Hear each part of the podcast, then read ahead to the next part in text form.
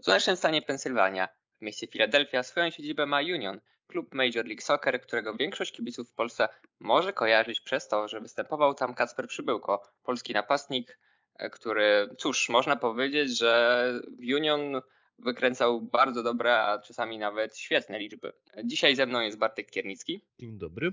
Podsumujemy sobie dzisiaj właśnie rok 2021 w wykonaniu Union. Teoretycznie zawsze w tym momencie rozpoczynamy omawianie sezonu zasadniczego MLS w wykonaniu danego zespołu, ale tym razem sytuacja będzie się troszkę różnić, bo opowiemy sobie o tym, jak wyglądał początek sezonu, e, a dokładniej występy w Lidze Mistrzów CONCACAF w wykonaniu Fili. Bartku, co tam się działo?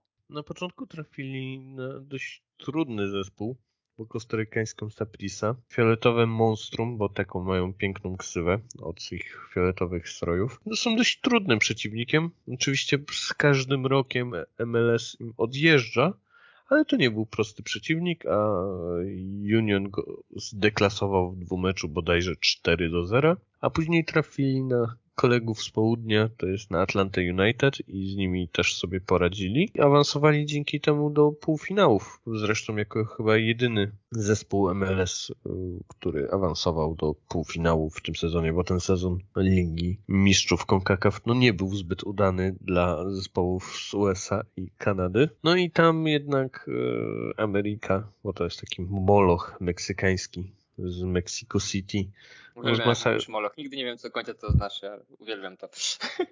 Moloch to jest y, ogromny, przerażający, wielki byt. Czyli takie proszę, coś... Widzicie, amerykańska piłka bawi i uczy, moi drodzy. Ten moloch albo potwór meksykański, no można powiedzieć delikatnie zmasakrował. Union może to po wyniku nie jest aż tak widoczne, ale po stylu gry no po prostu ich zdeklasowali, ale tak czy siak debiut, bo to był debiut w tych rozgrywkach, moim zdaniem był zdecydowanie udany i jak kojarzę opinię y, kibiców Union, to się mogą ze mną zgodzić, albo ja z nimi. To zależy.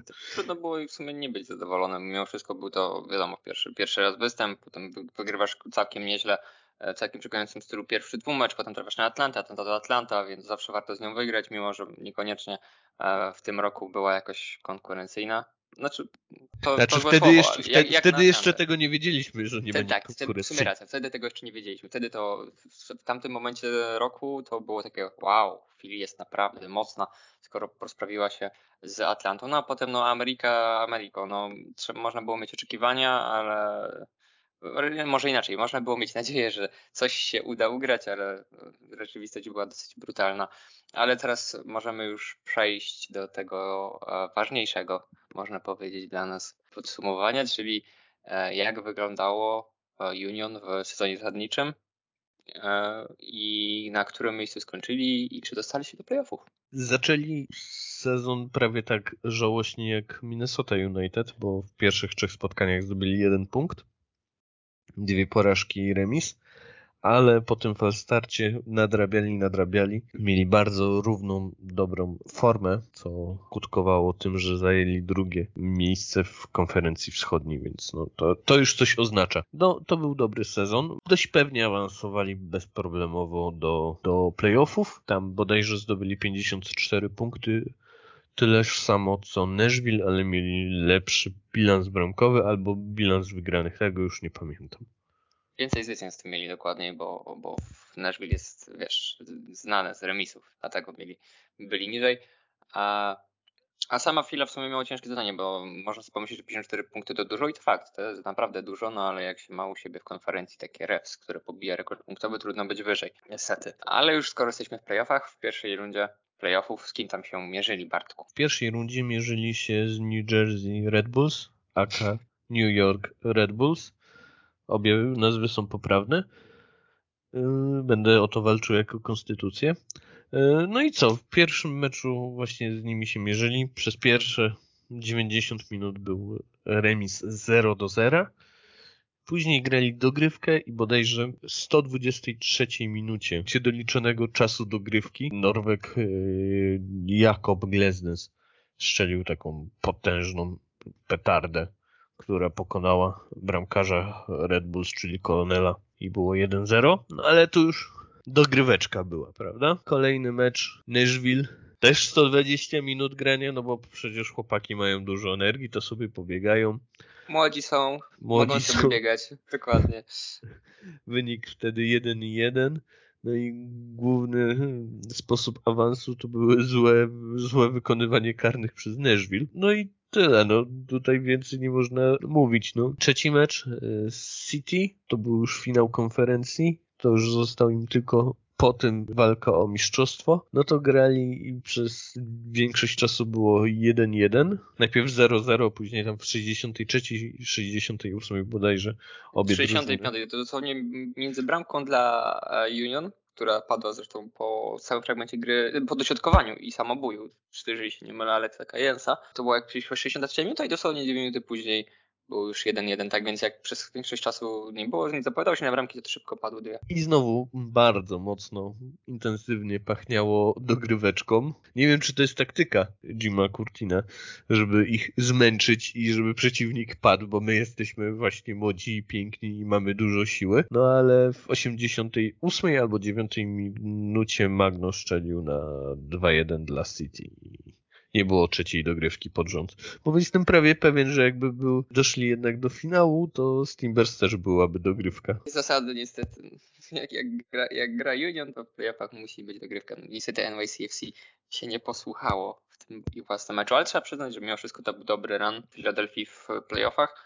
Byli A jeszcze blisko. trzeba przypomnieć, teraz mi się przypomniało, więc też będę słuchaczom przypominał. Union podchodząc do meczu z City właśnie w finale konferencji było osłabione przez COVID. Tam część podstawowych graczy nie grało, więc może ta dogrywka byłaby grana jakby grali w pełnym składzie. No cóż, niestety tego się już nigdy nie dowiemy, ale skupmy, skupmy się na Union i skupmy się na, e, wydaje mi się, najbardziej interesującej postaci dla słuchaczy, czyli na Kasprze Przybyłko, Bartku. Co możesz powiedzieć o najlepszym strzelcu Union w zeszłym sezonie można śmiało powiedzieć jednej z gwiazd, albo największej gwiazdzie.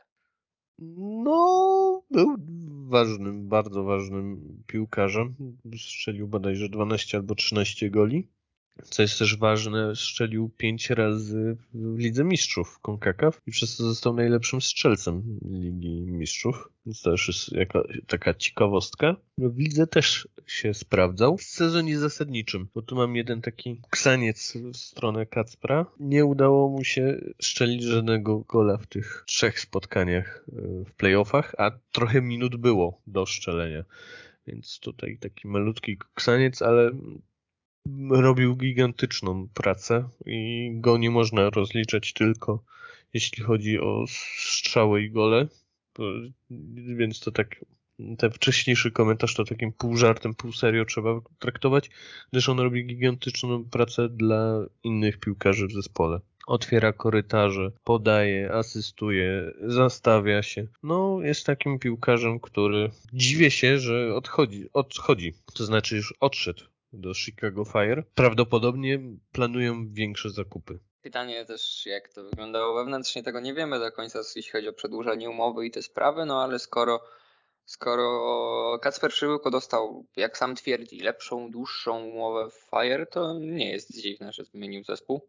Jest na pewno osłabienie Union, to dość spore i spore wzmocnienie Fire. Jak to będzie załatane, to jeszcze się okaże do końca.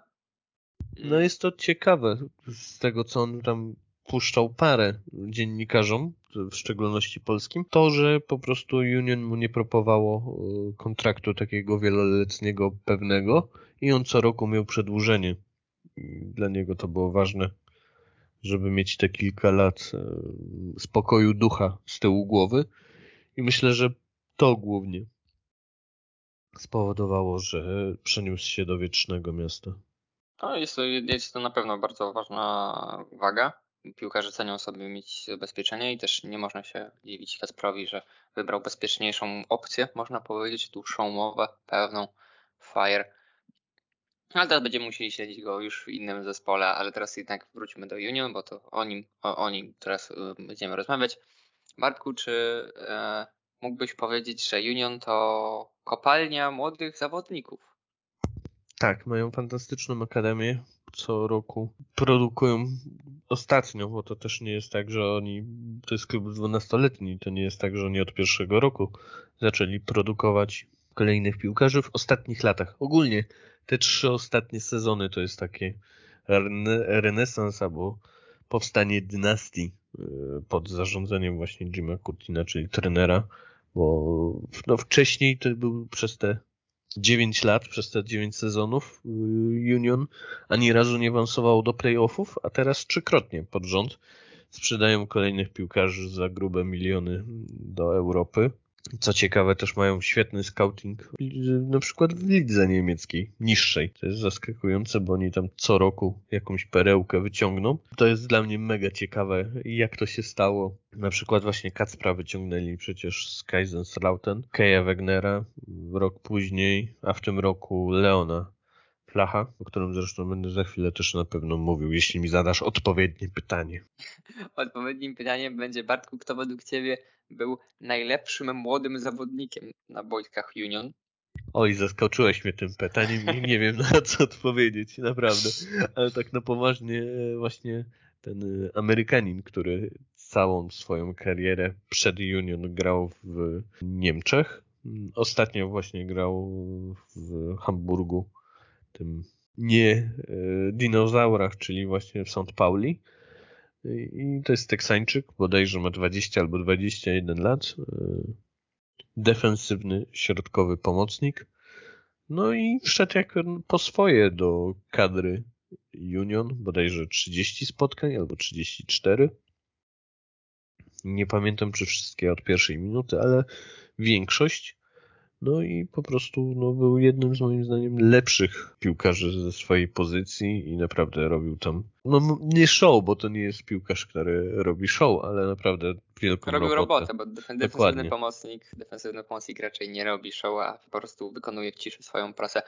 I to się w nich ceni najbardziej, to trzeba przyznać. Flach był dla mnie osobiście też małym zaskoczeniem, jak bardzo że tak powiem, wszedł z buta w tą kadrę, bo gdy oglądałem jego pierwszy mecz w Lidze Mistrzów to będąc szczerym, jakoś dla mnie się szczególnie nie wyróżniał, ale potem, e, potem jednak pokazał na co go stać i widać, że to będzie bardzo, bardzo ważny element e, Union w następnym sezonie. A, a skoro o elementach, to może o takim, którego najchętniej by się w chwili pozbyli. Kto według Ciebie był największym rozczarowaniem roku 2021? Alwas Powell, to jest bodajże 26 albo 7-letni Jamajczyk, który gra już dość długo w MLS, bo on y, grał najpierw w Portland, później grał bodajże jeden sezon w Cincinnati, no i teraz jeden sezon grał w, znaczy grał, był kadrze, bo bodajże on chyba zagrał tylko sześć spotkań albo pięć dla Union. Było ich no, naprawdę mało. Więc no, tak jak mówię, on mnie bardzo tym zawiódł. Znowu wrócił do Cincinnati. Zobaczymy, jak mu się tam po, po, powiedzie Queen City, ale no... Gdybyśmy byli złośliwi, rzucilibyśmy żartem, że wrócił do zespołu na swoim poziomie, ale nie jesteśmy złośliwi, więc tego żartu nie usłyszycie. W ogóle nie usłyszycie. No właśnie. E, więc e, no tak, to chyba Alves był najsłabszym ogniwem jak, no, można powiedzieć, że skoro już go w chwili nie ma, to powinno być już tylko lepiej. Więc możesz, Bartku, czy pokusisz się o jakieś e, wróżenie z fusów, jak w przyszłym roku, a raczej w sumie w tym roku, w przyszłym sezonie bardziej powinienem powiedzieć, pójdzie Union, czy według Ciebie przełamią barierę półfinału zeszłego roku i dojdą dalej? Myślę, że nie. Myślę, że konkurencja tylko się wzmacniam i nie dojdą do finału, ale playoffy zrobią i dojdą do, znaczy o, do półfinału, finału konferencji dojdą, ale o mecz o MLS Cup to już nie. No, może to jest to trochę okrutne, ale no, to nie jest ale ten budżet. realistyczne. Tak, tak, tak. To nie jest ten budżet. Nie, tutaj nie możemy mówić, że Union nagle nie wiadomo skąd wezmą się pieniądze i Union na pewno zdobędzie MLS Cup. Tak będzie, no niestety. Tak nie działa piłka. Jest mała szansa, bo wszystko pytanie... Jest też mała szansa, że w Cincinnati dostanie się do playoffów, ale czy tak będzie? Nie, no, nie, no to, to, to, to kompletnie nie, nie, nie ta wielkość, prawda, statystyczna. E, jeśli Union znowu wyprodukuje, albo już ma wyprodukowanych kilku fajnych graczy, którzy będą się przybijać do pierwszego składu, no mistrzostwo to chyba za mało, ale na bardzo dobry wynik w sezonie zasadniczym to Prawie na pewno.